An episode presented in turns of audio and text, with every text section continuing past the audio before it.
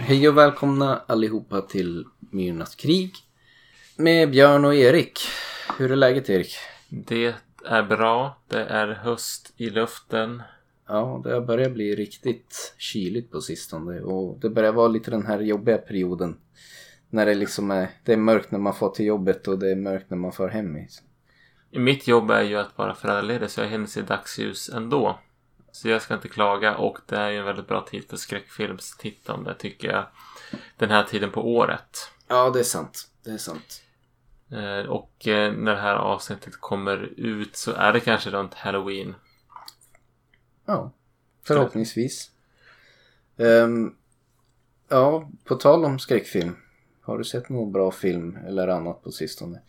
Skräckfilmsmässigt, jag har sett en del inför det här avsnittet skulle jag vilja säga. Mm. Eh, sen har jag, det här är ju inte skräck kanske, men Mindhunter har jag plöjt igenom nu. Eh, den här Netflix-serien som handlar om de som eh, uppfann eh, Gärningsmannaprofil. Gärningsmannaprofil, precis.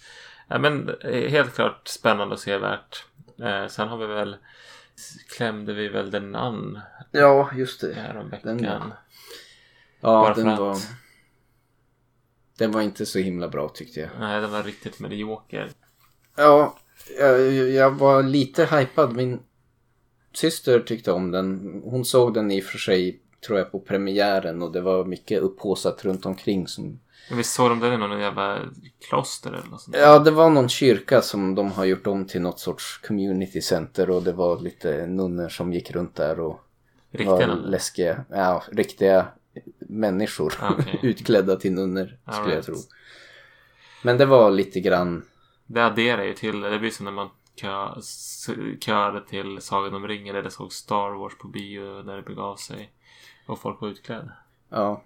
Det börjar väl, det dyker vi upp mer och mer också så här saker inom skräckfilm som när man tittar på det ganska mycket blir pet peeves, liksom saker man verkligen stör sig på. Och den hade några av sådana. Framförallt tror jag det som störde mig mest är liksom när folk beter sig så ofattbart irrationellt. Att det var... Idiot plot. Man är dum för att det ska bli... Ja, och liksom så här. Det händer någonting alldeles fruktansvärt hemskt för dem i filmen och nästa scen då är det typ ja ah, men vi går väl och äter frukost typ kolla vad som händer idag. Att det, det är som att vad som hände i förra scenen har helt glömt, glömts bort av karaktärerna i filmen i nästa scen nästan.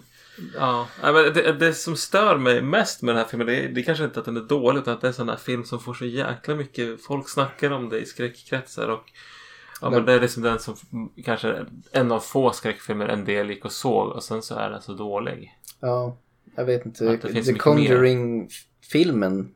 Det kanske finns chans att återkomma i någon mer utvecklad podd kring hela Conjuring-universumet. Men första filmen där gillade jag ändå ganska skarpt. Men jag vet inte. De kanske har mjölkat den kon lite för länge nu. Jag tror att den risken föreligger. Ja, jag vet inte vad man mer sett. Jag, jag plöjde ju igenom Mindhunter jag också ganska nyligt. Annars vet jag inte om jag sett så mycket bortom scopet för det vi hade tänkt podda om idag. Det är väl, vi hade tänkt försöka fördjupa oss lite mer i found footage-genren idag. Prata lite om found footage som genre och filmer vi har sett och vad som funkar och inte och så vidare. Ja. Jag tänker att upplägget för hur man ska angripa ämnet. Jag tänker mig som när man gjorde en eh, press, muntlig presentation på gymnasiet. Det kommer bli så här. Vi definierar begreppet. Vi tar lite historik. Vi nämner lite exempel och sen så får vi säga svagheter och styrkor med studien. Mm. Och sen så over and out. Det upplägget. Det låter bra. Det låter bra. Vi pratade lite innan om det att det kanske den vanliga, mer vanliga formen för oss att liksom diskutera filmerna var för sig blir inte kanske så bra för en sån här typ av avsnitt där det är nog rätt mycket filmer vi har sett och kanske mycket filmer vi vill beröra och nämna i sammanhanget men Ja, det faller väl på subgenren att man, den är så pass viktig inom skräckfilmer just nu att är man skräckfilmsintresserad som vi är så då råkar vi nog täcka in ganska många och vi orkar nog inte heller sticka sönder någon enstaka film heller på det här sättet. nej. Men om vi tar det från, från början då och liksom definiera begreppet. Vad, vad är egentligen found footage och hur brett kan man definiera det? Eh, Ja, found footage är ju som... eh, Man kan väl... Jag, skulle säga antingen att det är som ett sorts eh, berättargrepp eller en subgenre. Och det kan ju... Nu är vi ju i skräck så vi, men det finns ju även i andra genrer. Men det går ut på att eh, mediet är en del av berättelsen. Alltså mediet som vi tittar på ska liksom, det ingår i berättelsen som vi tittar på. Mm. Eh, Så kameran eller mobiltelefonen som filmar eller brevet som är skrivet på. Det, det liksom, där, där vi tar del av berättelsen, det är själv en del av berättelsen. Mm. Så, och found footage kommer sig av att ja, men det, ett vanligt trope är att det börjar som i The Blair Witch Project med att någon har hittat några Videoband ute i skogen eller vart det nu är. efter någon som har försvunnit Ja. ofta. Ja. Jo, men det känns som väldigt typiskt. Sen finns det ju found footage, eller saker som jag skulle vilja i alla fall... Jag kallar det nog för found footage, men det kanske till och med är en subgenre till found footage när man kommer in på mer dokumentär stil. Där det är mycket found footage material som man använder sig av fast lite sättet man berättar på, inte bara genom det här upphittade materialet utan man ofta låtsas intervjuer med experter som får kommentera vad de hittar på banden och så vidare. Ja men Norway är väl ett sånt exempel på found footage där det liksom inte är... Eller tänkte du på The Fourth Kind? Ja, The Fourth Kind är ju kanske ännu en nivå av dokumentär där man också har låtsas Man har found footage. och så sen gör man låtsas scener eller låtsas dramatiserar scener. Ja, man gör som dramatiseringar som om det vore på riktigt. Ja. Dram- ja. Att man dramatiserar som, ungefär som när man dramatiserar en när kung eh, Leopold den andra blev avrättad. Ja, Att man eh, iscensätter det. Och sen finns det ju som Lake Mungo som är, är en dokumentär. En, hela formatet är som en dokumentär men det är på låtsas. Mm. Och det är inte upphittade band per se och det är inte The Fourth Kind heller. Nej. Absolut. Eh, så även- det, ja. Även den här The Last Broadcast som jag har sett för länge sedan men eh, den rör sig också i någon sorts dokumentärgenre. Att liksom feelingen är att man tittar på någon true crime dokumentär fast allting är ju påhittat och dramatiserat fast de har gjort det med. Och det var väl egentligen jag vet inte, found footage snobbar kanske skulle kalla det för den första found footage filmen även om Blair Witch någonstans har fått den blivit den genre-definierande filmen som ja. alla tänker på när man pratar om found footage. Jag, tycker vi, vi får väl återkomma till den när vi går tillbaka i historien lite grann. För det, det finns också en förhistoria. Eh, men eh, om man nu ska försöka liksom koka ner till vad nu found footage är. Nu sammanfattar jag lite grann. Att det är som som sagt att vi, vi tittar, när man tittar på film i vanliga fall då är liksom kameran den är, inte, den är inte en deltagare i berättelsen medan i found footage så är kameran eller och regissörerna och allt det där det, det finns regissörer i berättelsen men de riktiga regissörerna som regisserar själva filmen Mm. finns inte där med kameran och den som fångar upp skeendet Mm. den vet deltagarna i berättelsen om att den finns. Eh, Och eh, idag så kommer vi bara prata om fiktion. Det kommer inte vara några riktiga found footage. Eh, Det, många found footage-filmer som vi kommer att avhandla har ju liksom på något sätt saluförts lite grann som det är på riktigt. Mm. Den, eh, den enda riktiga inom citationstecken found footage-filmen jag känner till och, och som jag faktiskt tror är sann det är ju The Grizzly Man som Werner Herzog har eh, klippt ihop och eh, det, det är en upphittad, faktiskt upphittad videoband av en väldigt björnintresserad person som får ut i den nordamerikanska vildmarken och levde med björnar. Och som, han gjorde väl ett antal säsonger Och sen drog han med sig någon partner på det där och de tältade. Och, men då var det som väldigt magert för de här björnarna så de gav sig på de här människorna och åt upp dem. Ja, precis. Eh, och den filmen är en rekommendation men den, den, den blir otroligt obehaglig eftersom den faktiskt är sann. Ja. Men det känns som att enligt i alla fall den definition som vi väljer att ha så hamnar det utanför Det, fan footage-genren som sådan. det här är ju liksom påhittade berättelser där det är ett grepp att berätta den påhittade berättelsen. Ja.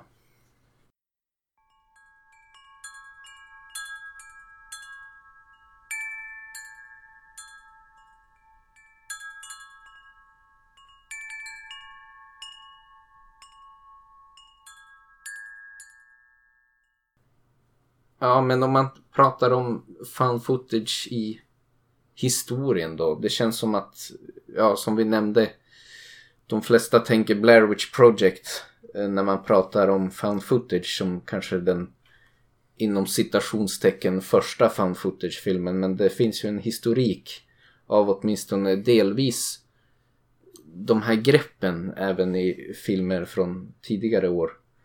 Där, ja, en som jag ville ändå påpeka som kanske gått många obemärkt förbi ändå är The Last Broadcast. Där de har väldigt mycket av de här greppen även om det är gjort mer i en dokumentär stil. Men jag tror aldrig att den fick något större genomslag. Nej. Jag har inte sett den men det känns som att det är lite orättvist mot den när The Blair Witch fick så him, himla stort genomslag tack vare jävligt smart marknadsföring. Och Ja. den här fick jag veta inför det här att ja, men den finns. Ja, Liksom. precis. Ja, de lyckades något väldigt bra med... Det var som verkligen en grej som jag minns från min barndom när Blair Witch Project kom. Att man lyckades marknadsföra det som att det verkligen vore på riktigt. Och man släppte väl till och med något lite dokumentäraktigt kring den här filmen som sen skulle komma. Där man presenterade det lite mer i dokumentärstil. The Curse of the Blair Witch. eh, Ja, eller, det. vad, eller vad hette den?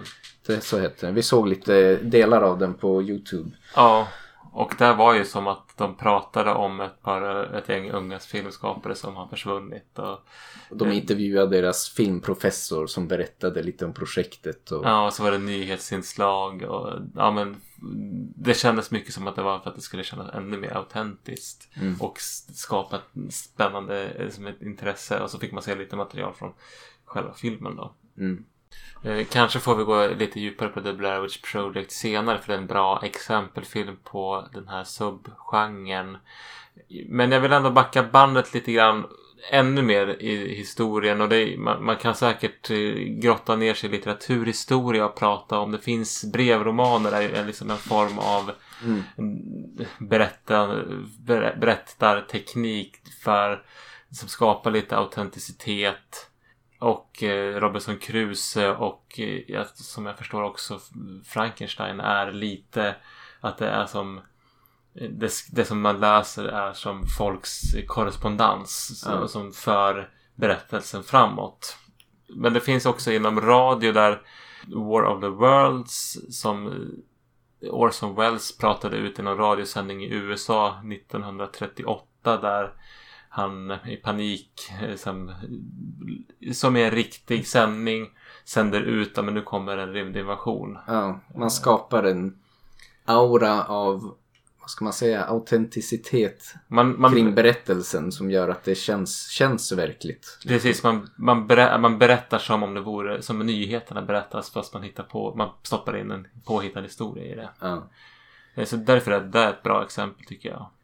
Sen har jag i min research eh, utifrån lite tips från annat håll eh, tittat på Punishment Park som är en eh, låtsasdokumentär från 1971 av en, någon britt som heter Peter Watkins. Som han, den här personen har gjort eh, åtskilliga filmer som det är liksom som använder det här dokumentära berättandet för att berätta historier. Till exempel finns, har han gjort en svenskspråkig, han har tydligen bott i Sverige men han har gjort en svenskspråkig science fiction historia som handlar om hur livet är i ett skyddsrum eh, Mm. i något form av tredje världskrig eller något sånt där. Jag har inte sett klart den. Jag tittade bara kort av ren nyfikenhet. Men Punishment Park såg jag. Och den handlar liksom om ett så dystopiskt USA i bakvattnet av Vietnamkriget. Så det här är under den här proteströrelsen. Och den tar hippies som har blivit straffade för olika, så här, mer eller mindre, inte så himla allvarliga brott, men som anses som allvarliga. Eh, och det är filmat som en dokumentärfilm. Man får följa rättegången och de får då välja när de blir dömda antingen ta ett långt fängelsestraff eller göra den här eh, övningen att vara i Punishment Park. Okej. Och eh, The Punishment Park är då ska de få ta sig genom en öken och det är ett antal mil och eh, i hasorna ska de ha poliser. Eh, som inte är så himla schyssta och det, det dör folk på vägen. Och det, det blir som en ganska uppeldad stämning för att några försöker, några lyckas döda poliserna så blir de ännu mer arga. Så det slutar med att de flesta som väljer att ta den här övningen inom citationstecken övningen går det inte så bra för. Och det, det är ganska obehagligt. Och det, de här rättegångsscenerna är också otroligt obehagliga för att det är så konstiga, ja men diskussionen är så, det är så knäppt, vem är det som har makt och det är så, det är så, ja det är väldigt obehagligt ur ett demokratiperspektiv. Mm. Eh, eh, och en, ett grepp han har här i den här, vad jag har förstått, är att de, har liksom tagit de personer som spelar hippies, det är riktiga hippies och de som spelar poliser, de är lite mer konservativa. Så det blir som en väldigt så här, de blir arga på riktigt, det blir väldigt autentiskt. Så det blir som, inte bara att man filmar det som en dokumentär, utan man liksom, man regisserar dem på ett sätt så att det ska bli jävligt autentiskt. Ja. Och det används ju i andra senare found footage-filmer också, det här sättet att regissera. Jag tycker också en film som är värd att nämna om man pratar om found footage-historik är ju faktiskt Cannibal Holocaust. Som även om det är en spelfilm till stor del så har den också många element av found footage i sig. Mm. Där liksom setupen är ju någonstans, om jag minns det rätt ändå, att de hittar de här videobanden från eller om det är i slutet. Ja, men jag, jag, jag, jag såg ju den här för, inte så, för någon vecka sedan. Om man ska ta handlingen. Man får följa en eh, etnolog professor som åker från New York till Amazonas för att gå leta rätt på vad som hände med ett gäng dokumentärfilmare som Ja, har försvunnit när de har tänkt filma infödingar och göra ny, sin senaste dokumentär. Mm. Det här det är ju spelfilm och sen så i den här spelfilmen så hittar då han filmrullarna som de här dokumentärfilmerna lämnar efter sig. Och då får man se liksom vad de har, man får se vad som hände med dem genom den filmen. Ja. Så den biten är ju found footage per se men berättelsen runt omkring är, Just det. eh, är påhittad. Bra film. Den är en film som jag, jag bävade för att se den. Jag har hört att den är, har väldigt otäcka saker och att den är en riktig skitfilm. Den är inte så jävla lättsmält. Nej. Den har... Dels är den rasistisk på ett sätt som känns inte helt okej Mm. alls. Och sen så har den ju autentiska djurtortyrscener där de hugger huvudet av någon apa och en sköldpadda och de sticker en kniv i halsen på en råtta och ormar och spindlar som dör på riktigt. Jo, alltså Eh. den är väldigt problematisk. Men Och- jag... Man gick ju inte oberörd från den i alla fall. Nej, och jag tror den att, att, att göra det där gör att när man gör autentiska saker där det är liksom den här personen som gör den här filmen han är så knäpp så vad som helst som händer i den här filmen Mm. kan vara på riktigt eller det är ja, väldigt urspårat så det här våldet som människor sen utsätts för i filmen är på riktigt.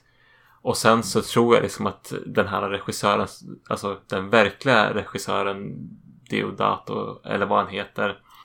Han var, det finns en scen där man eldar upp en hydda med en massa infödingar i och där gjorde han riskerade livet på dem på riktigt Ja. de här stackars skådespelarna som man hittade i Amazonas. Så det, det är många saker som är väldigt vrickat med den här filmen. Men med det sagt så tycker jag att den diskuterar ganska intressanta saker och det är bra berättat. Jag tycker Mm. den, det är en spännande film men den är inte för den känsliga tittaren. Den är, jag skulle inte rekommendera den för någon. Eh, av den anledningen samtidigt som jag, jag varit väldigt berörd av den och tyckte den var obehaglig men ändå väldigt intressant. Ja, alltså jag minns det som en film som jag gillar kanske mer med lite distans kring den men det är ju en sån film där man har sett klart den och sen mår man skit. Men eh, att den har någonting intressant att säga och att det är liksom inte bara meningslös gore utan det finns väldigt mycket samhällsdebatt. Ja men han vill liksom diskutera hur sann, sanna är nyhetsrapporteringarna vilket är högaktuellt fortfarande. Ja, Eh, Han diskuterar också liksom vad, vad är det vi konsumenter vill se. Lite grann på samma sätt som den spanska filmen Tesis diskuterar att vi, vi å ena sidan tycker vi att våld är så jäkla hemskt samtidigt så dras vi till det som flugor kring en sock, eh, koskit eller myror ja, ja, kring en sockerbit för att Ja. hålla oss till vårt poddnamn lite bättre. Men, och det är det som är så fascinerande för jag ser den här filmen och de slår ihjäl de här djuren och då liksom, jag är en del av det här. Jag kan liksom inte distansera mig för jag har ju sett den här och liksom ändå får en upplevelse av det. Så det Mm. Och man kan säga att det är skit men någonstans är det också, jag blir så jävla, jag, jag blir så indragen i det så det är också konst, ur ett konstnärligt perspektiv ganska, jag vet inte om det är avsikten men det har en, det, det blir som en intressant effekt som inte går att bortse ifrån. ja. Ehm, s- Ja, men eh, och jag tror att den här filmen är svår att inte nämna i ett found footage avsnitt av den enkla anledningen som vi var inne på. Man hittar, det finns found footage i den på riktigt och det är lite grann den, den mallen från att de hittar de här filmerna och spelar upp filmerna och redigerar dem och snackar om Mm. så eh, är det det, det är där som Det känns som en del frön sås där som sen utvecklas till den mer kanske typiska fan footage-genren som man ser på den idag. Ja, Även om, ja som sagt den är, den är lite blandat både spelfilm och fan footage men det finns element av fan footage i den som känns väldigt typiskt för hur en fan footage-film ser ut idag också. Och ehm, om vi hoppar, den, den kom 1980. Mm. Så det är ju nästan 20 år innan The Blair Witch Project kom. Men emellan där så kan man ju som det finns några honorable mentions. Det finns eh, säkert mer än det vi kommer ta upp idag. Men jag tycker vi gärna ska nämna Ghostwatch. Jag vet inte om du har sett den. Nej. Eh, den är från 1991 och jag vet inte om det är BBC eller Channel 4 i, i England som sände den. Men det är som en, byggt som en, en talkshow med en riktig talkshow-värd. Parkinson heter han i efternamn. Och jag, har jag har själv sett honom i en riktig talkshow. Så, och om en svensk förknippar honom med en talkshow så kan man ju, jag tänker mig att han är väldigt förankrad i Storbritannien. Mm. Och han är med på det här och de har kört efter manus och det här talkshowen just för den kvällens avsnitt handlar om att de ska till ett poltergeisthus Ja, och eh, filma och det, det, är liksom, det, är, det är gjort som att det är en livesändning. Den är, den, är, den är bra och jag tycker vi borde se den i podden vid något tillfälle om vi kan shoehorna in den någonstans för den är underhållande. Mm. Men det använder liksom, man använder greppet att ja, men vi har ett känt format och sen så låtsas vi att det är på riktigt det vi sänder, att det är direktsänt. Och ja, shit hits the fan har jag för mig. Just det. Ja, den är definitivt sevärd och eh, det vart ju såklart ramaskri efteråt för att eh, det var folk som trodde att det var på riktigt. Ja. Fastän liksom eftertexter rullade och allt sånt där. Just det. Eh, ja, eh, sen finns det någon film som jag skulle vilja se, The Man Bites Dog. Någon eh, belgisk 90-talsfilm som handlar om några dokumentärfilmare som får vittring på någon seriemördare. Så ska de liksom eh, dokumentera den personen och så blir de indragna själva. Just det. Eh, Det låter som fan footage-versionen av Tesis. Ja, men grann. typ. Men eh, jag, jag, vi kanske tar den när vi åker, tar eh, styrkosan mot Belgien. I Det låter som en- runt-resa. God idé. Yes. Sen så tycker jag ja, man, man kan ju liksom inte undgå att prata om andra saker än skräckfilm. Det är inte en ren skräckfilms-subgenre det här med found footage. Mm. Och eh, det finns det enda svenska exemplet på dokumentär och found footage är väl Konspiration 58. Och den är en fingerad dokumentär som handlar om att VM, fotbolls-VM 58 som ägde rum i Sverige de facto inte ägde rum i Sverige utan spelades in i Los Angeles. Ja, just det. Just det. Och den sändes ju på SVT Ja. någon gång. Och sen så har vi ju Peter Jackson gjorde ju eh, någon Forgotten Silver eller något sånt där. Och då är det att han gör en dokumentärfilm om någon upphittad filmrulle från någon nyzeeländsk filmpionjär. Mm. Och den kommer jag ihåg också att jag såg någon gång någon gång där på 90-talet jag var ung och det kändes som att är det här på riktigt? Att man liksom trodde det just för att Mm. formatet var så obekant med Mm. påhittade dokumentärer. Eh, Sen har vi ju The Office är ju som en sorts dokumentär. Både den engelska och den amerikanska varianten. Och nästan, det finns jättemånga eh, sitcoms nu för tiden som är berättas i det formatet. Det är som eh, även Modern Family är så och Parks and Recreation. Men då är det som att det, det filmas som dokumentärer och de bryter den fjärde väggen som om de blev intervjuade. Att det liksom där driver på Ja, mycket skoj. Men ja, det är inte found footage att de hittar nedgrävda band eller hi- hittar någonting i djungeln. Men eh, ja, Det hade ju annars varit ett ganska roligt The Office-avsnitt om det började så. ja de, det var de har här. hittat några nedgrävda band från kontoret och ska, komma, ska man komma fram till hur de vad- hamnade vad- där. Ja, men vad, hur, vad, vad var det som drev kontoret till förintelsens brand? Precis. Och varför filmade de?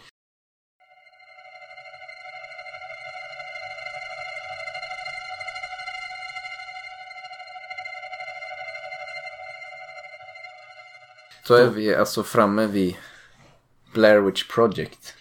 Jag skulle väl säga att The Blair Witch Project är för found footage-genren vad Halloween är för slasher-genren. Håller du med mig? Ja men absolut. Det är ju som vi redan tidigare nämnt. Det känns som, säger man found footage så tänker folk Blair Witch Project. Det kändes som att det var den första renodlade found footage-filmen som fick ett sånt enormt genomslag. Och har väl kommit till att definiera lite grann formatet Ja, efter egentligen. precis. Och eh, för eh, den eh, oinvigde lyssnaren så kan jag väl dra en kort synopsis. Det är ehm, Heather, Josh och Mike som är tre stycken filmstudenter som ska göra en som ett projekt i sin utbildning en dokumentärfilm om legenden om häxan i Blair. Mm. Eh, och eh, de beger sig ut i skogen, försvinner och ett år senare hittas deras inspelade material. Precis. Och så får man följa deras umbäranden fram tills det bittra slutet. Ja, och vad ska man säga? Ja, så jag hör ju till en av fåtalet som inte såg den här filmen när den kom. Jag var ju ganska liten då. Utan jag såg den faktiskt första gången i förra veckan. Och då det blir ju lite ett skevt perspektiv för att man, det har kommit så många filmer sen dess. Som man jämför den mot. Och jag var väl inte så här superimponerad kanske. Men då, då har ju liksom väldigt många bra fan footage-filmer som har kommit därefter som man jämför den med. Mm. På ett annat sätt än om man såg den när den kom och det var någonting ganska nytt och fräscht och ogjort liksom. Ja, Jag kommer ihåg när jag såg den på bio med min kompis Johan i Örebro. Det var ju som, jag menar, vi snackade innan om att men hans pappa sa att ja, men det här är, det är folk som tror att det här är på riktigt. Ja. Liksom. Och även om jag inte såg den här dokumentären och inte följt all försnack så noga så var det ändå snacket så här, är det på riktigt eller inte liksom. Mm. Och så gick vi och såg den och det var liksom några riktigt skrämmande scener i den där filmen och jag tyckte den var otäck. Och jag, nu tycker jag, ja men den är fortfarande en bra found footage-film. Jag har ingenting emot den. Men den är mer som ett ganska bra exempel på found footage. Den är många grepp som den har som har återanvänts i oändlighet av andra filmer tycker jag. Ja men absolut. Jag tror lite grann hela upplägget, sättet som man introducerar karaktärerna i filmen och hur liksom plotten lite introduceras. Det kändes väldigt bekant Ja. utifrån andra found footage-filmer man har sett. Om jag skulle kritisera den specifikt så tyckte jag att det kändes ganska repetitivt.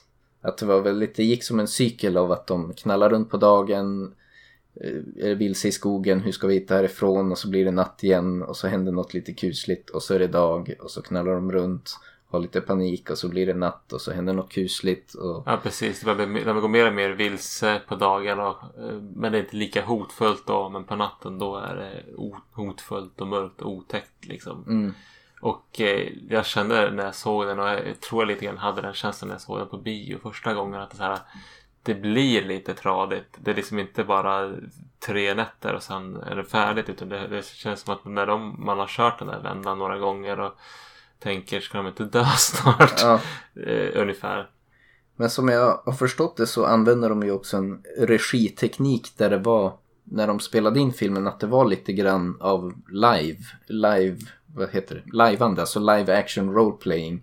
Att skådespelarna visste inte exakt vad som skulle hända och skådespelarna visste inte allt vad de andra skådespelarna visste utan att de liksom gav dem lite information att nu har det här hänt dig off camera och så ska han liksom spela ut det och de andra får liksom man reagera. fångar deras reaktion live. Ja, Det kunde jag ändå säga, det uppskattar jag. Jag vet inte om det är så vanligt att man gör det men det, det kändes ganska autentiskt skådespeleriet. ja. Många delar. Däremot är det väl ibland några som man, ja, där det känns som att det är lite konstiga karaktärs switch liksom att en, en som är lugn i ena scenen plötsligt är väldigt urflippad och det blir liksom några konstiga skiften i hur karaktärerna beter sig som kanske har med det att göra att eh, de liksom försöker spela av någon instruktion de har fått längs vägen. Jag tycker som att den, den dynamiken tycker jag man kan ha invändningar mot men jag tycker den gör också det, det, jag tycker att den gör inte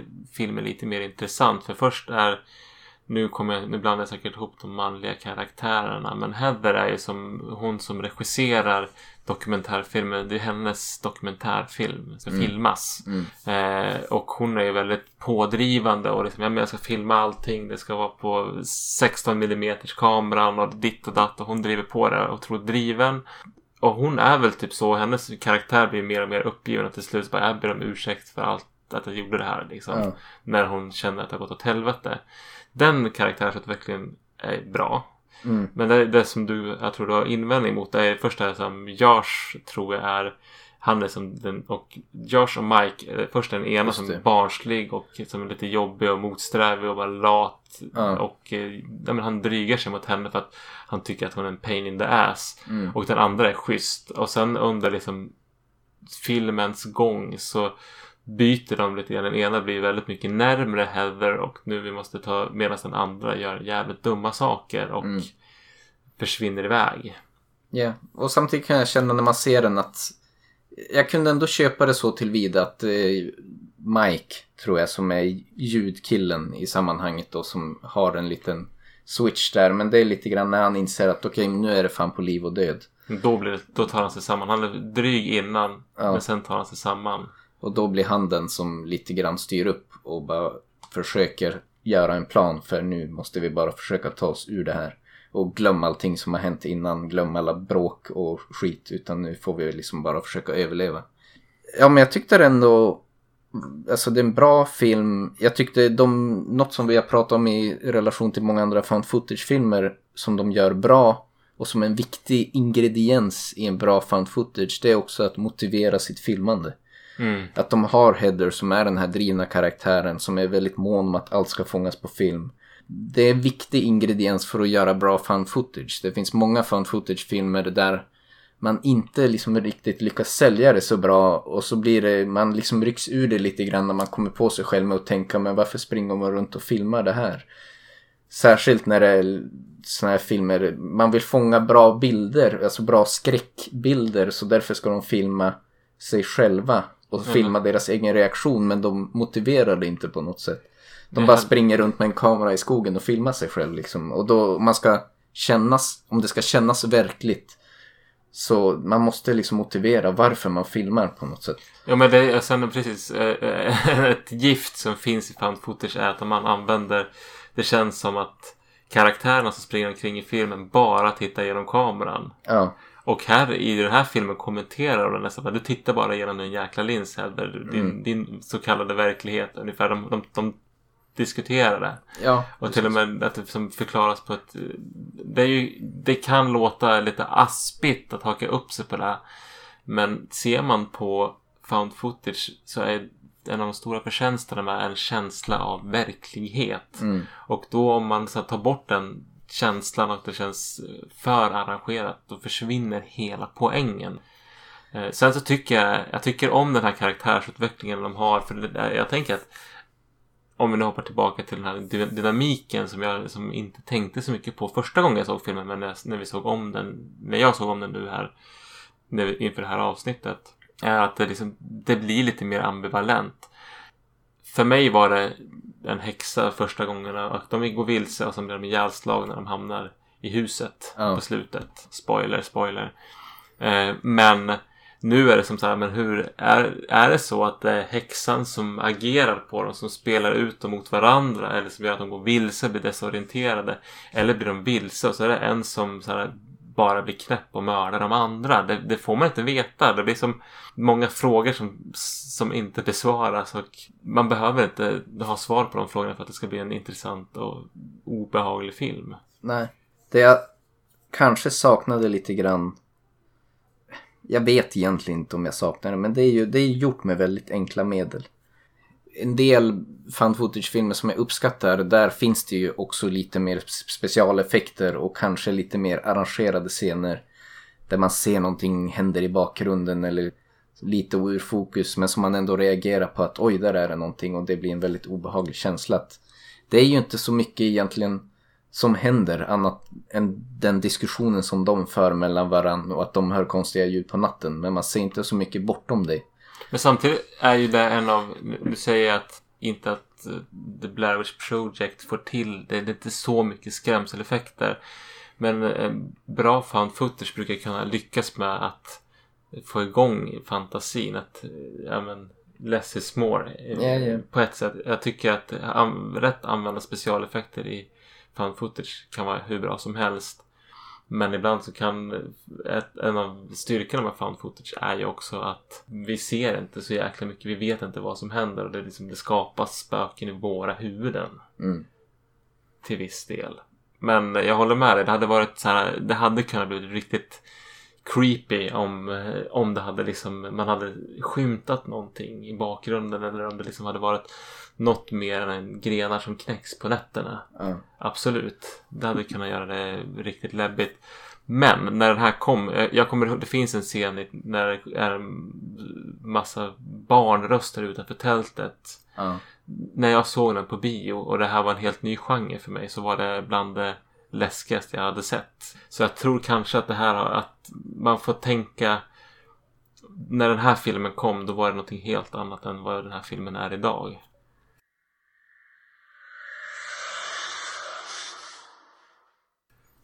ja, men sen efter Blair Witch. Det känns som att det ändå uppstod något liten lucka där. Vilket lite märkligt om en film som fick ett extremt stort genomslag. Men jag kan i alla fall inte dra mig till minnes något jättemycket found var- footage som kom efter det. Det blev ju som ingen boom av found footage. Det var det som istället blev det ja, men efterdyningen av Scream med den här nya slasher, den nya slashervågen och sen den här jigs och eh, torture porn eh, hostelköret. Men sen kom det ju ändå en boom som nu har eh, lugnat ner sig lite grann. Eh, och det var väl, man skulle väl kunna säga att det var The Paranormal Activity som banade väg för den vågen. Ja, det kändes som att det var många saker som stämde då. Det, det kom en ny found footage-film som fick ett extremt stort genomslag. Och det kom också i en tid då tekniken har gått så pass långt att det här är teknik som är tillgänglig för vem som helst. Så att det blir en genre som det är ganska lätt. Och i alla fall lätt, det är inte lätt att göra en bra found footage-film men det är i alla fall lätt att göra en found footage-film. De flesta har råd med en hyfsat bra kamera och liksom vi sitter och med en ganska bra dator och en ganska bra mick och kan spela in ljud med hyfsad ljudkvalitet. Så att det liksom öppnade upp tror jag för väldigt många fler. Men det blev som liksom på två plan också. För dels så kan man spela in found footage. Men i och med att man kan spela in found footage så kan man ju också göra riktiga dokumentära grejer. Ja. Nu gjorde jag citationstecken i luften här. Och som kan, och man kan dela med sig på YouTube. Så det kan liksom dyka upp sånt här. Och det blir svårt att sålla, är det här på riktigt eller inte? Mm.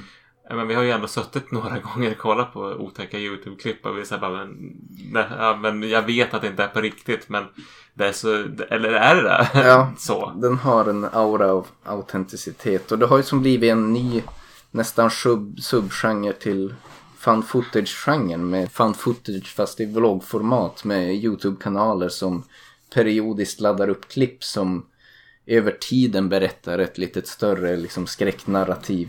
Här har vi Marble Hornets, eller vad heter den? Var det den du Ja, tänkte på? precis. Vi har sett en bra bit in på den men vi, den, är- den är ju enorm. Den, Mm den är åtta timmar eller något sånt där så det har vi inte riktigt tagit oss igenom än. Eller jag har inte gjort det i varje fall. Nej, Jag har sett mycket av det. Jag tycker väl att den tappar lite charmen över tid. Det blir också lite repetitiv. Men den bygger ju lite grann på den här Slenderman-mytologin.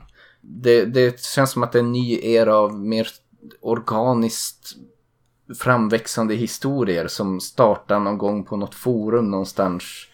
Som kan ofta vara en ganska liten grej och sen blir det flera personer som samverkar för att liksom bygga upp en större berättelse kring något fenomen.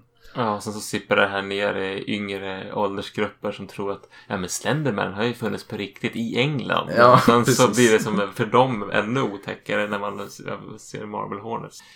Så det, det, jag tror att YouTube nu, går nog inte att bortse ifrån när det kommer till found footage. För den, den har nog säkert varit viktig för Paranormal Activity och den, för att den, ger en extra smörjmedel för eh, genren på något vis. Ja, men det känns väl som att det var Paranormal var kanske startpunkten för en våg av found footage-film som det känns som att det ändå kom med jämna mellanrum found footage-filmer ett tag. Mm. Nu som du är inne på, i alla fall i mer etablerade alltså biografer etc. så känns det som att det har börjat dö av lite grann. Men det lever ju kvar online och det kommer liksom nya saker hela tiden. Det känns ju också som med nästan varje ny stor film som kommer, i alla fall skräckfilm, så finns det alltid de här som försöker haka på och göra en film som heter nästan samma sak. Och det är väldigt ofta found footage-format på de filmerna. När det, ja men typ när The Nun kom så kom det liksom fem, sex, sju filmer som hette någonting med The Nun i titeln och också var en skräckfilm. Så det kanske var någon som har gjort en found footage som man kunde sätta ett namn på. Ja. Som någon av misstag skulle kunna råka köpa den på någon Precis. tjänst. Alla är ute och söker efter den namn och så kan man råka, råka på de här eh, obskyra filmerna. Men då är det, har jag märkt att det är ofta found footage-format och det är väl också för att det är billigt och ganska enkelt att göra. Om man bara letar efter att casha in på någon våg av intresse kring en viss titel eller så. Nej, Man behöver som inte lägga så mycket energi på effekter och eh, historia och ditt och datt för att kunna sälja en found footage. Nej.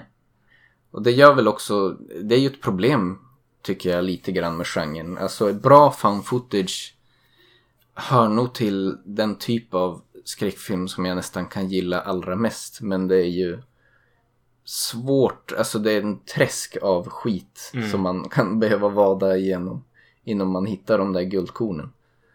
Jag tycker man har nästan lite grann gått på pumpen vad gäller found footage-genren innan det här avsnittet. För vi har försökt att liksom konsumera, riktat in oss lite för att titta på olika found footage-filmer och det har varit mycket dåligt alltså. Väldigt mycket dåligt. Några riktiga guldkorn men mycket skit. Mm.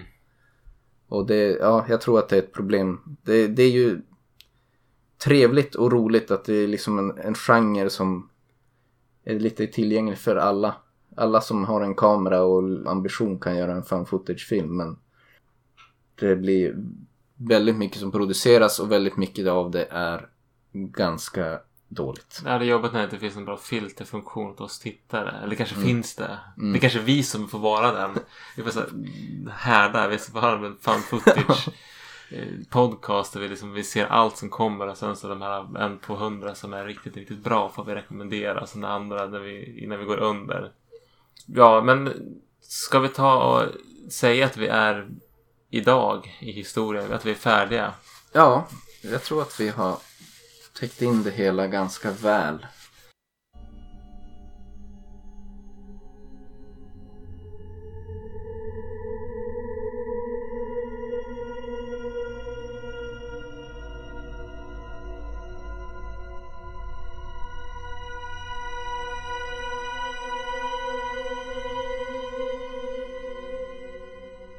Ska vi följa våran grova skiss vi hade gjort inför den här podden så tänkte vi nu prata lite grann kring styrkorna och svagheterna som finns i genren. Nu känns det lite grann som att mycket av det här har vi kanske berört men jag tror ändå det finns ett skäl att försöka sammanfatta och precisera oss lite. Ja, koka ner det och destillera och gröpa ur.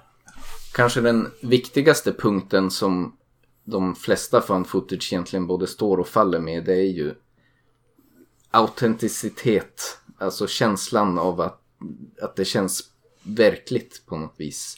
Ja, och det blir ju lite paradoxalt. Jag tycker vi nästan måste prata om det här med varför. Det... det känns ju som att det borde kanske egentligen inte spela så stor roll för att man går in i filmen och vet att det är en film. Ja, men, men det blir ändå vill, helt avgörande. Man vill ändå att det ska kännas autentiskt fast man vet att det inte är autentiskt utan bara på låtsas. Men det är ändå så otroligt viktigt för en found footage. Och det här är väl det som är lite grann kärnan i found footage-tjusningen. Ja. Att det känns så verkligt att men varför vill vi ha den känslan? Men det känns lite som för found footage-genren. Det är ju, hela found footage är ju liksom breaking the fourth wall men då är det som, tappar man känslan av autenticitet det är liksom breaking the fifth wall. Jag vet inte, det är då man liksom rycks ur narrativet och får den här reality-checken att okej, okay, men vi tittar bara på skådespelare som springer runt och tramsar. Ja, men precis. Eh, okej, okay, men det, vi pratar om den, fjärde väggen. Och nu vet jag inte exakt vad det är, men det är liksom, är det, det är liksom det fönstret som vi som tittar på en berättelse som spelas upp för oss. Mm. Det är det fönstret vi tittar igenom. Mm. Och när skådespelarna bryter det fjärde fönstret då bryter det mot någon sorts lag. Men Medan i found footage tas man som in genom det där, fjärde, det där fjärde fönstret suddas ut och man liksom bara slängs in i akvariet. Ja, ja visst. Eller? Ja, alltså det är väl liksom i normal spelfilm då pratar man ju om breaking the fourth wall när man skådespelarna gör något som bekräftar att det är en film. Att man bekräftar att kameran finns där och kommunicerar direkt med tittaren. Found footage gör ju det hela tiden. Det är ju som nästan en staple av genren. Men att fan footage-väggen, eller fan footage fourth wall, det är när man rycks ur det här känslan av autenticitet på något vis. Ja. Och då faller det liksom allt pladask. Men, eh, men låt säga att man, nu blir jag väldigt filosofisk och teoretisk här, så att man, vi, vi är liksom, man bryter den fjärde väggen för att man pratar till en kamera. Men eftersom den är i berättelsen så mm. försvinner känslan av att man bryter autenticiteten när man mm. bryter den fjärde väggen. Mm. Och eh, det jag tror du vill komma till lite grann är att om man liksom lyckas med det formatet men sen så beter man sig på ett sätt som bryter den där, låt säga den femte väggen då. Ja. Då är det väldigt bräckligt hela skiten.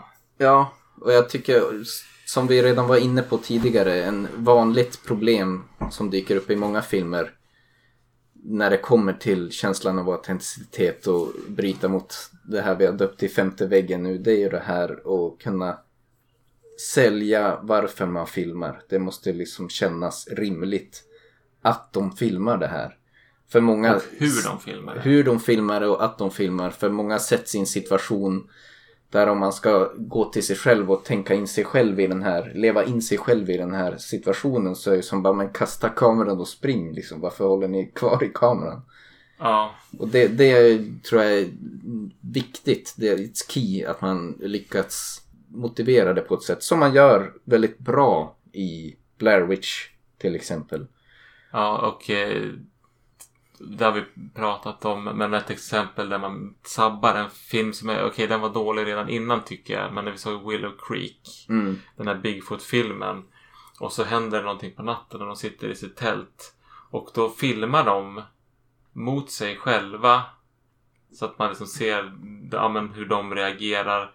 Men man förstår inte varför. De vill ha ljus i tältet eller någonting. Ja, det är Så där, väldigt... men då vänder de den mot, men då ska man väl inte lysa på sitt ansikte om man vill ha hjälp av ljuskäglan. Nej, även när de är ute i skogen där och försöker se vad det är som försiggår så liksom har de kameran och eh, lampan då vänd mot sig själv så att de rimligtvis inte kan se ett skit ute i den mörka skogen. Mm.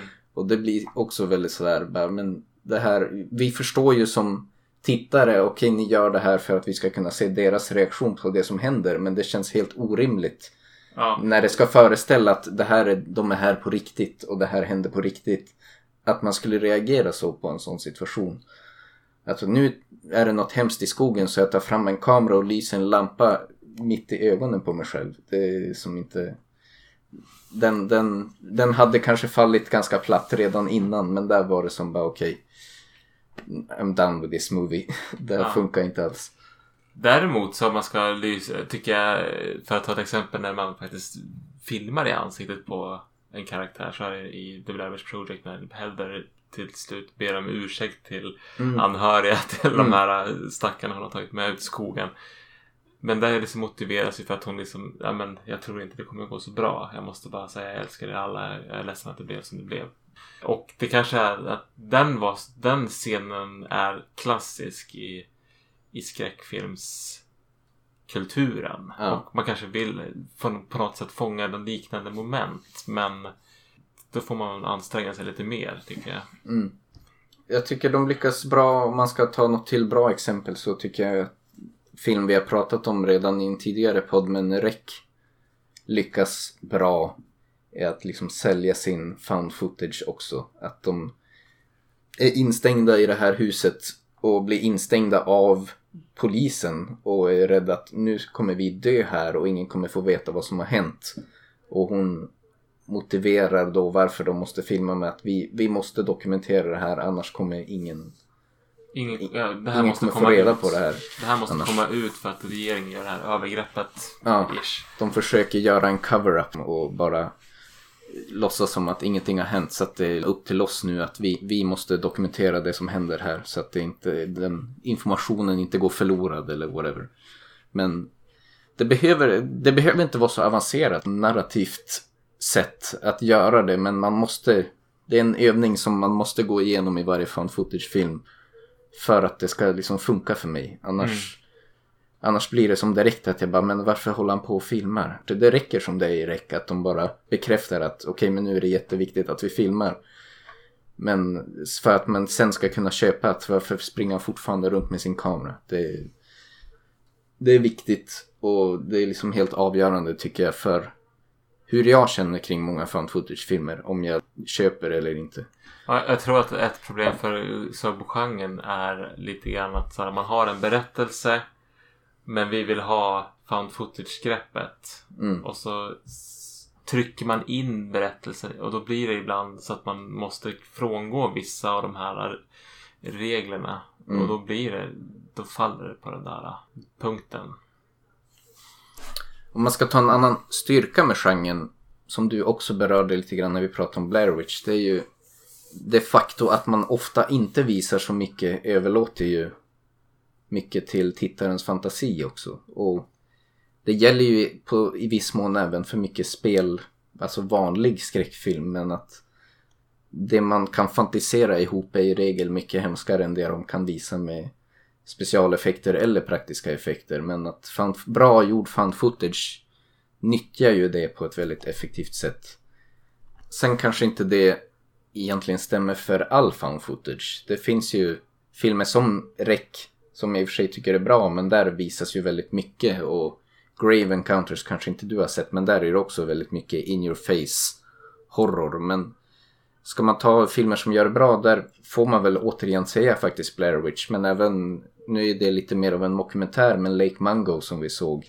Där känns det också som att det är egentligen väldigt lite skräck direkt i kameran men det man bygger upp liksom i berättelser man berättar runt omkring och Ja, det lilla man visar så bygger man upp något väldigt otäckt i sitt huvud. Ja, men det här sättet skapar så mycket förväntningar att när det väl kommer någonting så då blir det väldigt starkt. Ja. Jo men jag minns specifikt när vi såg Mango. Den, den har väl egentligen bara en typ skräckscen om vi säger så. Men det är ju en av de bästa jump scaresen ever för att den bygger upp mot det så väldigt länge och man har hunnit bygga upp så mycket anspänning i, i kroppen att när det väl kommer där så är det ju... Man vet att det ska komma någonting och så blir man ändå överraskad. Ja, Ja, den filmen tål... Om vi åker till Australien någon gång, då tar vi den. då kan vi djupdyka lite i Lake Mango. Vad ska man säga mer om styrkor? En styrka som jag, eller jag tycker det är oftast en styrka, men jag ska för att statuera ett, ett exempel i en helt annan genre. Mm. Eh, men som går att placera på väldigt många found footage. Men eh, om man tänker sig inledningen på Fight Club. Nu kommer jag inte ihåg vad Edward Nortons karaktär heter. Men vi säger Edward Norton börjar Fight Club-filmen med en pistol i munnen. Mm. Och sen så hoppar man tillbaka i handlingen kronologiskt och så får man på något sätt hela filmen byggs ju upp mot men vad, vad fick honom att hamna här? Ja. Och det liksom, ja men det blir en spänning i det. Och jag tror att i found footage, ja men vad, när man hittar de här banden eller det här, vad var det som hände egentligen? Hur gick det här till? Det är nästan alltid så att karaktärerna i en found footage-film går jävligt dåligt för. Mm. Och eftersom de inte har kunnat redigera sina band och göra en dokumentär som de tänkte. eh, De misslyckades med det, men vad var det som misslyckades? Vad var det som gick så himla snett? Ja, och när man gör det riktigt bra då blir det ju som en liten deckargåta man även som tittare sitter och pusslar ihop. Jag tycker typexemplet för där de gjorde det riktigt bra det är ju Noroi. Den japanska filmen. Där var det verkligen att jag vart superengagerad som tittare och hitta liksom, man följer med den här huvudkaraktären. Kobayashi. I hans, Kobayashi i hans letande efter vad det är lite grann som har hänt. Om man, Ja, kan ju, eh, ja, jag jag får göra en synopsis på den här så lyssnaren för all del. förstår vad vi... Nej men det här är ju... Den är en found footage från 2005. Tror jag. Ja men det handlar om eh, en dokumentärfilmsskapare. Kobayashi tror jag han heter. Som är inriktad. Han är väl liksom lite mer inriktad mot det paranormala. Och han börjar undersöka en sorts kult i Japan. Och eh, filmen inleds i varje fall med att ja, men han, det är så här, han försvann och eh, lämnade efter sig en massa videomaterial. Mm. Och så får man liksom följa med i det här videomaterialet och ja, se vad fan som var det som hände med honom. Ja. Riktigt bra. Ja, Den, den nyttjar liksom det greppet på ett effektivt sätt. Sen skulle jag vilja säga lite som en kaviat att det finns filmer där det kan vara lite av en drawback i vissa sammanhang. Nu kommer jag inte på ett typexempel från fan footage-genren men jag tycker till exempel vi såg den här A Quiet, nej inte A Quiet Place, eh, den när de har ögonbindlar istället. Eh, Birdbox. Birdbox. För där är det liksom, då börjar de lite på samma sätt. De åker eh, ner för en flod. Eh, huvudkaraktären tillsammans med några barn. Men då blir det som att man etablerar direkt att alla andra karaktärer i den här filmen kommer det gå åt helvete för. Men de här kommer klara sig. Men de här kommer klara sig. Och då upplevde jag när man såg sen den här gruppen hon kommer till och ska försöka överleva tillsammans med. Så vet man redan right off the bat att ingen av de här kommer klara sig. Och det dödade lite av spänningen i många scener för mig.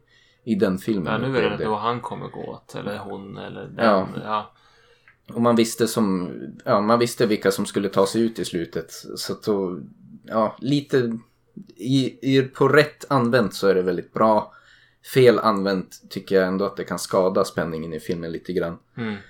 För att det fanns i den filmen en del karaktärer som jag ändå gillade lite grann fast det var svårt att bli attached vid någon när man visste från början att okej okay, men det kommer ändå skita sig för dem. Och då döda lite spänningen i scener där de kanske är jagade eller det uppstår liksom en situation där de utsätts för fara. Och vet jag på förhand om de kommer klara sig eller inte så... Det blir meningslöst att se det. Ja, lite grann så. Sen när det kommer till svagheter i found footage då känns det väl lite som att alltså styrkorna och svagheterna är ju lite grann de hänger ihop. De hänger väldigt mycket ihop. Ja men skakig kamera är, man blir åksjuk och det kan vara rent estetiskt jävligt trist ja. att kolla på fan footage. Ja. Samtidigt som det är också ett viktigt medel för att göra den mer effektiv. Skräcken. Mm. Som vi varit inne på. Jo men en del, en del fan footage då är det ju verkligen bara det här skakig kamera ute i skogen och det, man ser knappt vad som för sig går och man behöver de här pauserna, mer lugna scenerna där man sitter ner och pratar och kanske liksom bygger på historiken bakom. Också för att få lite paus från de här skräckscenerna inom citationstecken som ofta kan vara bara ett dåligt gjort i alla fall så kan det ofta bara vara en mess av en kamera som flyger runt i skogen och man knappt kan uppfatta vad som händer. Och det kan bli väldigt tröttsamt också för ögat att titta på i längden. Mm.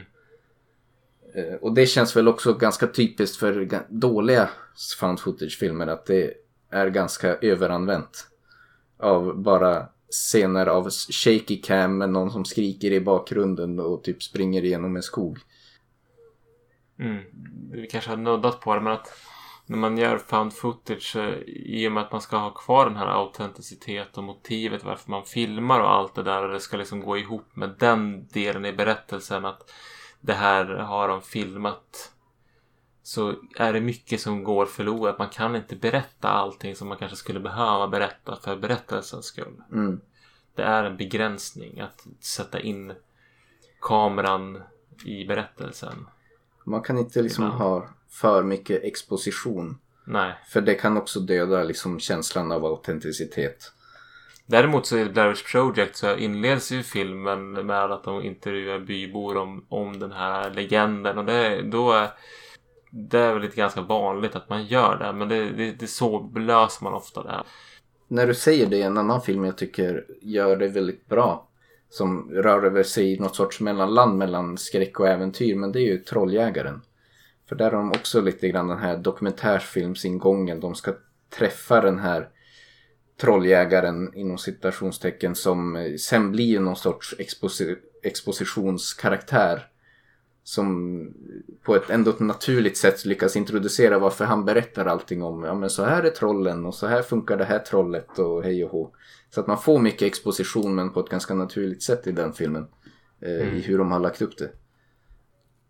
Nu. Och eh, jag tycker väl att, eh, för att återgå till Norway som där tycker jag också att expositionen där Ja men där varvas ja, men dels att han har den här utforskande han, Det känns som en journalist som gör ett bra jobb liksom. Han intervjuar folk och han Han pratar, alltså det här materialet som är är ändå redigerat så det är lite voiceovers. Det är, mm. eh, han har klippt in så videoklipp som liksom etablera den här, men man tittar på något lekprogram som där klärvoajanta barn får rita teckningar och liksom jag håller på med ESP eller vad det heter mm. och eh, ja, men rita av olika kort som de inte ser och så är det någon unge som lyckas med det där och sen helt plötsligt ritar de någon annan symbol som kommer få betydelse sen. Men det är liksom där genom det här leka-klippet så etableras också att det finns en kontakt med en andevärld. Man, så här, man tar in att det, ja, men det finns paranormala grejer. Ja. Och ja, men man, man är väldigt fyndig i den filmen tycker jag. Men det känns som att det hänger, det är väldigt avhängt på hur man skriver manuset från början. Alltså, ja. Om man kan introducera den här expositionen på ett naturligt sätt.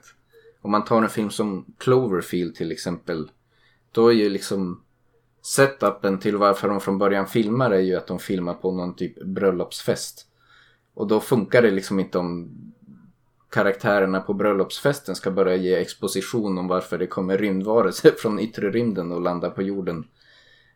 Men På, de, det är liksom en svaghet kanske lite grann i hur man har skrivit manuset då. Att det, blir, det blir svårt att ge någon exposition i en sån film. Jag har svårt att minnas den filmen men jag tycker inte att det behövs så mycket exposition utan det är bara fan det går åt helvete allting. Ja. Och så får man följa med så spelar det inte så stor roll. Det är väl en annan typ av film helt enkelt. Man får som acceptera, alltså, man får antingen så ska man berätta hela historien eller så får man berätta en historia där det inte är nödvändigt att förstå bakgrunden till det. En annan sak vi redan har berört men som också är viktigt tror jag att lyfta när det kommer till styrkor och svagheter med genren. Det är ju också att ribban är så låg för att kunna göra en fan footage-film. Det är ju en styrka och en svaghet med genren. Att det kommer mycket intressanta kreativa filmer från relativt små filmstudios eller bara typ kompisgäng som har ambition och en kamera. Men det gör ju också att det kommer väldigt mycket dåliga filmer. För att det, det krävs så små medel så att liksom ribban för att kunna göra en sån film är ändå så pass låg. Jo.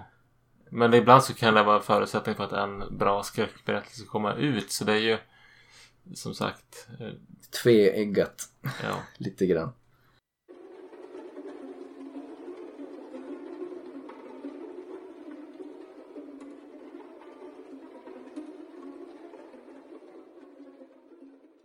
Men det kanske ändå täcker på det stora hela lite grann det vi ville få sagt. Om eh, Om found footage i stort. Jag vet inte om vi ska göra någon typ topp tre. Topp tre tips. Eller vi gör lite, ja men några guldkorn. Det är som svårt att begränsa mig till tre. Vi ska inte hålla på i all oändlighet. Men det finns ju några som är så pass bra att vi borde skicka ut rekommendationer Mm, på dem. mm. Eller du får göra en topp tre. Det är ju det vi sa innan.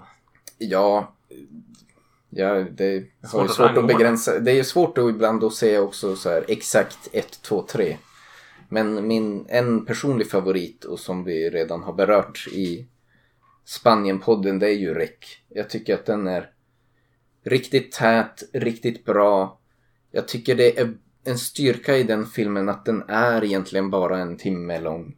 Och för många found footage berättelser så De klarar inte av att sträcka sig ut längre än så. Nej, och det känns som att det, det är väl också en liten filmtrope att den ska vara typ i alla fall en och en halv timme. Och så måste man bara dra ut det till den längden. Och Rex sa bara, men skitsamma, vi kör, vi har en timme bra material så att du gör vi det till en timme. Och det är liksom spännande valt- hela tiden. Precis, man har valt att ha ett bra tempo. Det är bara kör, det är fullt ös och det är liksom, du har en, den, ja den är väldigt väl disponerad och det är så här berättelsen ska komma, punkt slut. Det är liksom, det är varken mer eller mindre. Det, den, den blir inte bättre om vi gör den längre eller kortare utan det är så här Mm. är det bästa formatet. Det känns som att de hade väldigt bra känsla för tempo i den filmen.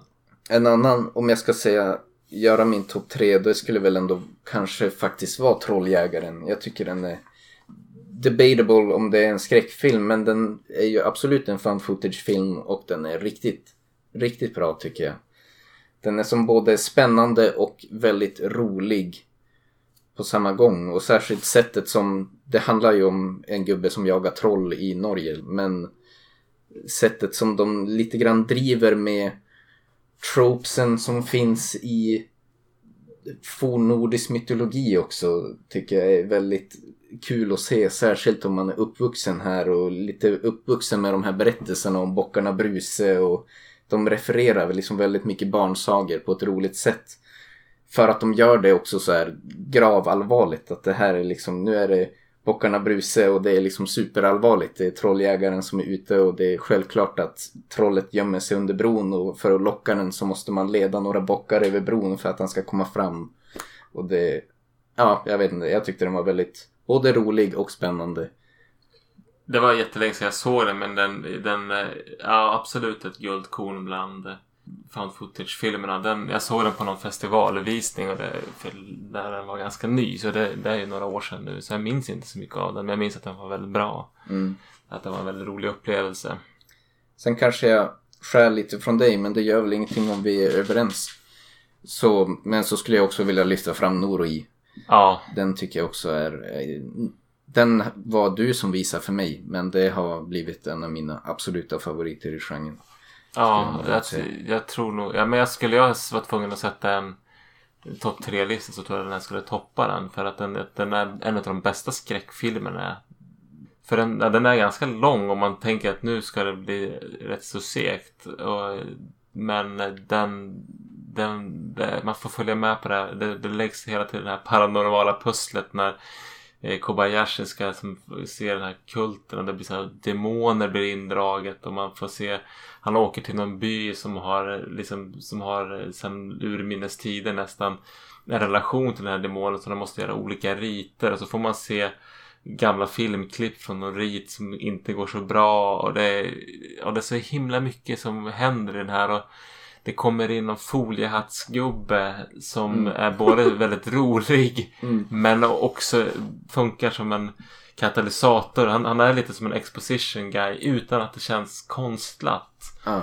Eh, och, det, ja, det är så må- och det är många bitar här. Det är, så här, det är, det, det är några som gör någon så reality grej där de ska besöka någon hemsökt plats och det går inte så himla bra för dem. Och det, är- ja, men det, det är så himla mycket som händer i den här filmen men det går, han får ändå ihop det. Det är, jag tycker den...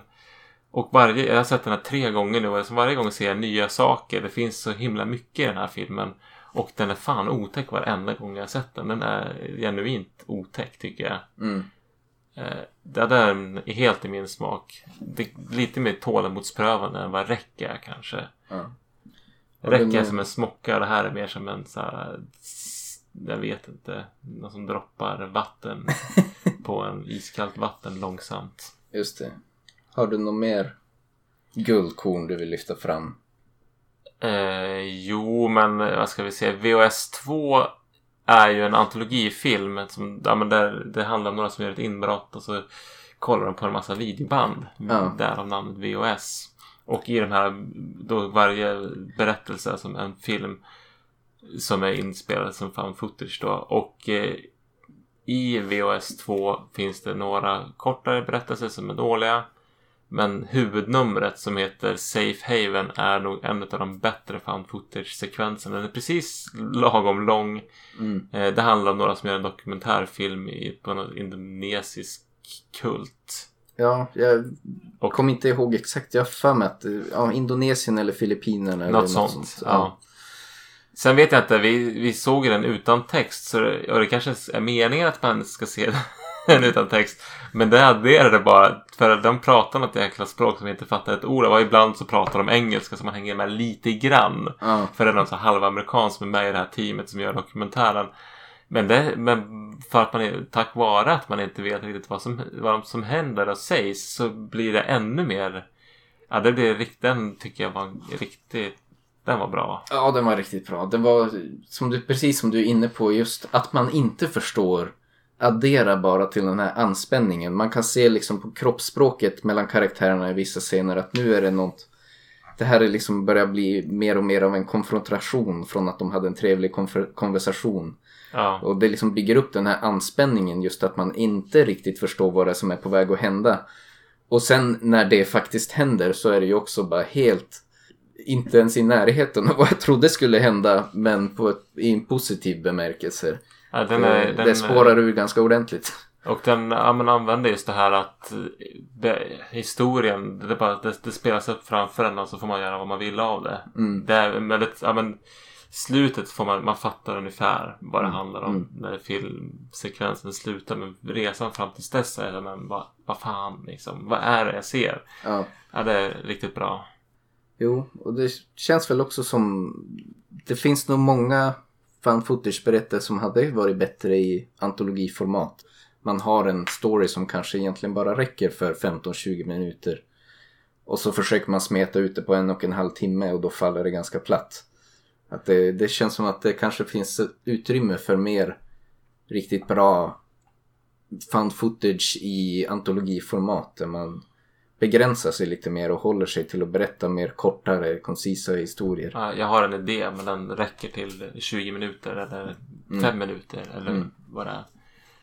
Sen skulle jag nog vilja lyfta, ja men Creep Den finns, eller har i alla fall funnits på Netflix. Creep 1 och Creep 2. Jag tycker båda är definitivt sevärda om man är intresserad av skräckfilm. Eh, Creep 1 är, ja men den, den, den är både rolig och ganska otäck. Mm. Där tycker jag att Ja, den är jävligt skruvad. Det handlar om en person som har eh, fått svarat på en, en annons som är i tidningen. Där det är någon som skriver ja men jag skulle vilja, ja men du får så här mycket pengar om du filmar mig. Mm. Och sen så eh, visar sig att förevändningen för att han ska bli filmad, den här personen som har skrivit annonsen, är ja men jag ska få ett barn snart men jag är dödligt sjuk och ska dö snart. Mm. Eh, Så jag kommer aldrig hinna få en relation till mitt barn och nu vill jag skriva, ja, men, skriva en film. Eller göra en film till mitt barn som mer, ja, men, visa upp vem jag är. Det går ju inte riktigt som den här filmen har tänkt sig. Men i alla fall, den här filmen tycker jag den driver med jump scares och driver lite med genren och film found footage tropesen.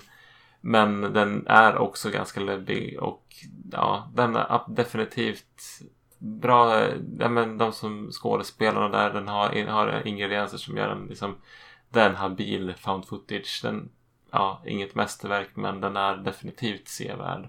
Ja. Ja, jag skulle ju vilja... Ja, vi har ju redan berört det. Jag, skulle, jag, jag hade nog på min egen lista lagt till med stora reservationer eh, Cannibal Holocaust också som... Den är, jag tycker, den, den går in på min lista men den är inte för alla och den, den, det är en problematisk film. Men, eh, men den påverkade mig så pass djupt att jag ändå vill ja, slå ett litet slag för den. Men eh, var medveten om att det är en väldigt problematisk film som man ska se tror jag. Ja, om man Mm. har tänkt se den. Den, eh, den lämnar ingen oberörd och är man inte förberedd kan man bli lite paj. Det, det är riktigt otäckt. På ett sätt som inte är kul på något sätt. Liksom. nej, det, ja, men det finns som en del, en del skräckfilmer som ja, man, man, det händer någonting med en när man har sett det och det är inte alltid bara positivt. mm, Så det är liksom ingenting som jag skulle säga, nu ska vi se en chipsfilm. nej. Eh, utan det här, är, det, här, det här är på ett, ett annat plan och det kräver ett visst stämningsläge och eh, att man har någon att prata med. Ja. Ungefär så Ja. skulle jag vilja säga.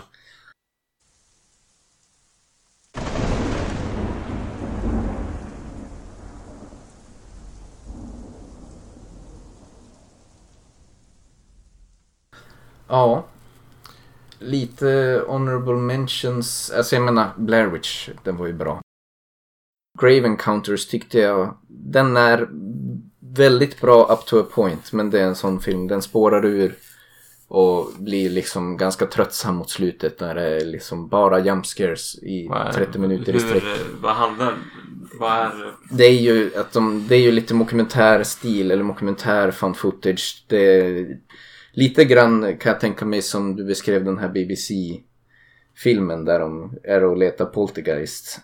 Att det, det är lite grann det upplägget som att det vore ett tv-program de spelar in men sen spårar det ur mer och mer och sen blir det på allvar. Men ja, upplägget och up to a point var den riktigt bra. Sen den, den spårar ur lite grann och tappar det mot slutet. Men nej, en light rekommendation skulle jag nog ändå vilja slänga in på den filmen. Ja eh, det- När du berättar om den här eh, Grave Encounters, det påminner ju lite grann om den här koreanska vi såg eh, Gonjab. Ja. Eller vad, vad hette den bara? Gonjab? Gonjab the Asylum tror jag. Ja. Där är liksom en några som uh, Youtuber som vill ha som slå, vill stå och titta rekord. Mm. Och så ska de spela in live när de går in i ett hemsökt uh, mentalsjukhus. Och där, det här känns ju mer som en berg och dalbana där man ska leverera scares. Det är väl ingen stark rekommendation på den tycker jag. Den berättelsen håller inte ihop även om den har några fina jump scares som går, som jag ändå minns som Ja. bra. Jo men det är lite, det går nog kanske lite i Grave Encounters också. Och det tror jag vi har berört i någon tidigare podd. Men att det kan förstöra lite grann när det liksom inte finns någon röd tråd mellan scenerna. Som du säger, det är verkligen berg och dalbane-feelingen. Eller att man går liksom från ett läskigt rum till ett annat. Men det finns ingen röd tråd som knyter ihop allting som händer. Men ja, det finns ju specifikt en scare i den filmen som jag tyckte var utsökt. Den här försenade jumpscaren på något vis. De lägger upp det som ett väldigt typiskt jumpscare moment men sen drar de ut det. Ja, man tänker sig att nu kommer det smälla Ja. och sen så gör det inte det. Och sen gör det inte det. Och, sen, gör det inte det. Och de drar ut det så sjukt länge så att det blir- hinner bli, bygga upp en så otrolig anspänning i kroppen innan det faktiskt då till slut kommer. Men det hade jag inte riktigt sett tidigare i någon film på det, gjort på det sättet. Så det, ja. Det känns som att de hade den idén och bara det här är och det var en jävligt bra scare och sen så, Mm. ja men vad ska vi göra resten av filmen? Ja, typ. Ehm, ja, jag tyckte Lost Coast Tapes low key rekommendation också. Det var ju som en väldigt, kändes som en väldigt lågbudgetfilm, lite hobbyprojekt feeling. Men för vad det är, I don't know. Jag, Den är, jag den är som den. den är en liten bubblor över den. Den är som om man har liksom så här, typ gått igenom de här kändaste och man är så här sugen på liksom se en eh, found footage där man liksom inte behöver bry sig så mycket så är den ganska rolig att se. Mm, absolut. Eh, Den är en, en, en till av de här Bigfoot found footage eh, filmerna. Mm, Den skulle jag rekommendera framför Willow Creek som handlar om har samma tema. absolut. Ja, men den var... Den, den var lite knäpp och lite rolig. Och det kändes lite tongue in cheek mycket i den Ja. filmen. Att en del saker är lite b gjorda men det är också gjort med en nivå av självmedvetenhet som gör det lite lätt, mer lättsmält. Jo, men de har ju som sin trolljägare där, han som är myten som bor i skogen som de ska liksom som vet att nej men jag har ju sett Bigfoot och sen Ja. så ja, eh, och han är så jävla allvarlig. Ja, men det, de, det, det tycker jag ändå att ja, en liten svag rekommendation. Eh, man kan, är det några man ska varna för som du tycker spontant? Alltså Willow Creek, den var ju inte så bra. Det har vi i princip avhandlat. En film som jag skulle vilja varna för, också för att det kändes som att den var ganska upphaussad, men det var ju As above so below. När de Ja, är redan i, nere i franska katakomberna och kutar runt. Den tyckte jag var så jävla dålig. ja det är så, de har ändå rätt så Ja men det är hyfsat påkostade skådisar, de har påkostade effekter. Mm. Men det känns som, nej den var inte... Det, nej, den var som en film som... Ja men det är Indiana Jones fast utan någon som helst glimt i ögat. Ja, Och man stör sig på karaktärerna. och mycket av den här rollercoaster-feelingen där också. Att man bara gick från en skräckscens setup till en annan som inte hade riktigt någon röd tråd som band ihop dem.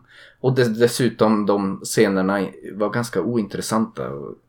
Ja, och sen så kan det vara så att ja, men är det en, en person som typ är ett spöke och då, då är, det, är det ett specifik sekvens som, ja men då beter den sig på ett sånt sätt som ja, men vi som tittare ser att det där är inte rimligt. Mm. Men då måste ändå en av karaktärerna poängtera. Ja, Istället för att man bara, det kan okommenterat passera förbi. För passera förbi okommenterat då, då blir man lite on the edge. Man, det, var, det blir lite uncanny. ja. Men om någon berättar det, då vet jag att det där ska vara otäckt och då blir det inte otäckt. Nej. Och så var den filmen på många punkter. Och de led också av den här problematiken med att så fort en scen är över så är det som att alla karaktärerna har glömt vad som hände för bokstavligen vad vi ska förvänta oss då är typ 10-20 sekunder sedan. De blir i någon scen då attackerade av en av sina vänner som våldsamt slår ihjäl en i sällskapet och nästa scen är det som bortblåst. Då är det som bara okej, nu går vi vidare. Då är liksom allting glömt. Bara för att man ska liksom tvinga fram storyn mot nästa skräckscen då. Men det blir ett väldigt konstigt berättargrepp när man gör det på det viset. Så den, eh, fet diss på den filmen och jag vill, ville väl poängtera den just för att den kändes också som att den, jag tror till och med att den gick på biograferna här när den kom. Mm. Så pass ändå. Ja. Det är ju synd. Väldigt, väldigt märkligt. Jag tycker väl också... Nu har jag, med reservation för att jag inte sett senare i genren, men jag tyckte att den första Paranormal Activity-filmen för mig är relativt ointressant också. Jag tyckte den bara kändes ganska seg och trevande och det byggde upp mot något crescendo som aldrig riktigt kom. Jag har sett någon Paranormal Activity-film och den, jag såg den, jag kommer ihåg att jag såg den med min brorsa i dagsljus och den var ändå jävligt otäck. Mm. Jag tror det kanske var tvåan då. Ja. Den funkade jävligt. Den Paranormal Activity är de är inte så mustiga. De är inte så himla... Jag tycker den filmen jag såg kanske inte innehåller så mycket stoff som är intressant. Men det är effektivt på att skrämmas. De eh, filmar, de sätter upp en övervakningskamera eller en webbkamera för att se vad som händer på nätterna för att de har sömnproblem. Mm. Och då uppdagas det liksom shit, det är ju skit, de beter sig jävligt knäppt på natten och det händer massa otäcka saker på natten. Ja, eh, ja men det, det är effektivt men det blir också lite, ja. Ja, jag får se. Någon Jag, som kanske igen. en ny chans. Det var, jag såg den nog i- ja, närmare när den kom. Jag minns inte så väl. Jag minns bara att jag var ganska underwhelmed när jag såg den. Men det kanske finns anledning för mig att se om den och ge den en andra chans. Och kanske Det- se ja, någon det- av uppföljarna också. Ja, det är en, en väldigt lukrativ franchise om inte annat. Det är, ju- jag vet inte det hur många av dem är uppe i. 6, 7, 8 stycken och det är någon Tokyo Nights eller vad hette den där? Ja, såg ja, spin-off där man tar vidare samma demon från första filmen vad jag förstår och så besätter någon person i Tokyo. Och det är tydligen så pass lukrativt det här att när jag letade efter en Blu-ray-utgåva på den svenska filmen Besökarna från 1988 som är absolut inte en found footage-film men den finns som en Blu-ray-utgåva som heter Paranormal Visitors som har samma grafiska profil som Paranormal Activity så man försöker som slå mynt på det här Ja. och en halvtaskig svensk utgåva. En bra film i övrigt. Men det är, så, alltså, det är en så pass känd franchise att det är svårt att inte nämna den i en annan podcast. Vi borde kanske ha lä, läst på oss mer om den. Men jag har inte känt mig så intresserad av att gå tillbaka till den. Nej, det har väl varit lite samma för mig. Jag, jag, det får bli hemläxa till kanske någon framtida podd. Får se om man eh, får mata igenom lite grann av de här filmerna. Och det, det har liksom för mig alltid varit ett mysterium vad det var som gjorde att den kröntes till kungen. Den nya liksom härskaren över fan footage-genren. Kan det vara så att den, liksom, filmer. att den liksom gjorde något nytt med formatet? För den är inte så klockren. Det finns ju de här mer Blair Witch Project som är men som berättelserna. Nu ska vi göra en dokumentärfilm och sen så följer man de här oftast eh, männen och en kvinna som råkar ut för ett äventyr. Sen kommer de till en punkt där det går åt helsike och alla dör. Här Mm. är det som, ja men nu är det några som, ja men motivationen till att filma är lite annorlunda och det är liksom man tar in berättelsen till hemmet i Suburbia. Det blir en annan vinkel på det. Det blir som ett annat, lite annat. Ja, jag tänker att man kanske träffar av något som oro som många kanske har också. Att det, det, det, man tar det lite närmare hemmet och liksom det blir kanske lättare för många att relatera till. Men ja, ärligt talat, jag vet inte riktigt. Jag var inget jättestort fan av Pingvina personligen, men de har ju haft ett enormt genomslag. Och jag tror också att en faktor i det är väl också rätt film vid rätt tidpunkt. Att om Paranormal Activity hade kommit idag så kanske den inte hade gjort samma splash som den gjorde. Då kanske det liksom smälte in i den här tidiga YouTube-eran där liksom folk la upp lite allt möjligt i skräckväg och man filmade och det här kom in i samma brus liksom. Att, det, att det adderade till känslan och den första filmen är ju en amatörfilm på många sätt vad jag Mm. förstår. Men om vi tänker att vi har väl avhandlat lite grann rekommendationer och reservationer kring specifika filmer. Har du någon framtidsspaning för genren? Vad kommer härnäst? Vad blir nästa stora hit?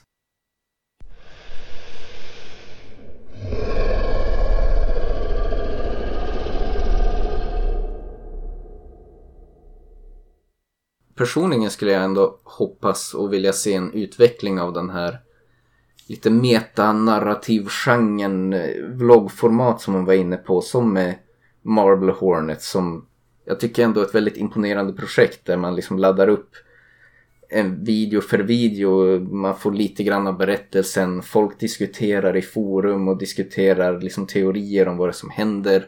Det Och får de som, som- ett eget liv, att man kan diskutera utifrån att det kanske händer på riktigt. Ja men precis. Och jag tror att eh, i den är det som också att de som faktiskt gör videorna och lägger upp det hänger ju såklart med på den här diskussionen och det blir liksom ett organiskt historieberättande tillsammans med de som konsumerar historien på något vis.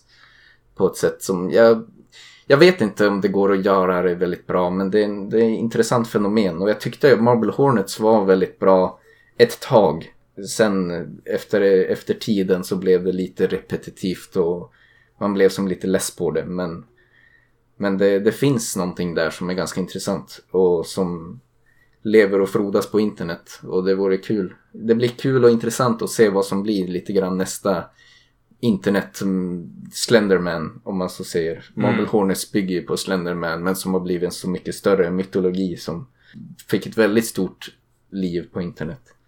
Ja men det ska bli spännande att se. Sen om man ska vara mer på långfilmsformatet och sånt där så skulle jag önska mig kanske lite mer att man går åt det hållet Lake Mango går och Mm. Sådana, jag minns att du inte var lika förtjust i den som jag men jag tror att här, jag, jag, gillar nog formatet att man har som en men jag tänker mig som angreppssättet är en dokumentär. Och så får det gärna vara en dokumentär som handlar om upphittade filmer. Mm. Eller, ja men, det var en familj som det hände något fruktansvärt med. Nu skissar jag upp en liten plott här. Ja men det hände något fruktansvärt med den här familjen. Och sen så var det som inget mer med det. Men sen så är det någon dokumentärfilm. Så, men det är något lurt med det. Varför får vi, vet, vi får inte veta riktigt hela sanningen. Mm. Och sen så kanske den här dokumentärfilmen kommer över familjens hemmavideofilmer. Mm. Och eh, när man så här, hårdgranskar dem så ser man så här, i bakgrunden vissa grejer ja men där ser man någonting i någon liten vrå, att det är någonting som händer eller att det är någon mm. och sen så kanske det får vara en demon eller ett spöke eller någonting och sen så, ja men när man ser det här hända och sen så kan man se i deras familjeliv så händer det här och sen så blir det som en, ett, en att där dokumentärfilmerna får liksom de berättar berättelsen och lägger pusslet lite grann och men det, dramaturgin får bli lite annorlunda för jag tror att jag är lite trött på det här äh, rena found footage där man bara liksom har hittat kassettbanden efter dokumentärfilmerna som dog. Mm. Jag tror mer på att man får följa dokumentärfilmerna som utforskar ett jävligt obehagligt och otäckt öde. Så får det vara lite paranormaliteter i det. Men det behöver liksom inte vara följa Blair formatet slaviskt även om det är väldigt bra mm. många gånger. Mm. Men det kanske på ett ganska bra sätt täcker in våra förhoppningar och lite spaningar inför framtiden. Mer intressanta metanarrativ där man bygger en historia tillsammans med konsumenten och kanske mer av det här som du är inne på med det mer dokumentära och att man vidareutvecklar found footage till att vara mer än bara upphittade videoband som man spelar upp. Ja, det kommer ju kräva lite mer av filmskaparna. Att det kräver kanske mer jobb för att få ihop berättelsen. Ja. Men det kommer göra det mycket trevligare att titta på.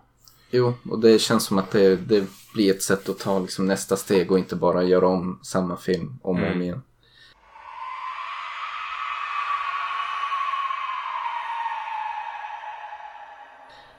Med det sagt.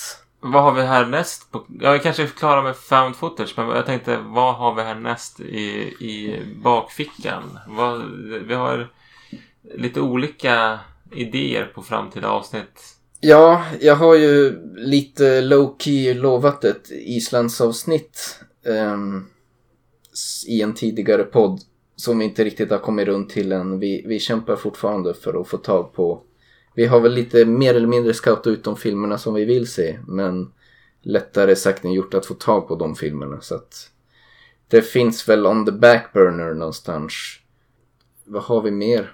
In the pipeline. In the pipeline. Vi har ju, ja, men jag är lite sugen på eh, det som jag i mitt huvud har kallat roadkill-avsnittet.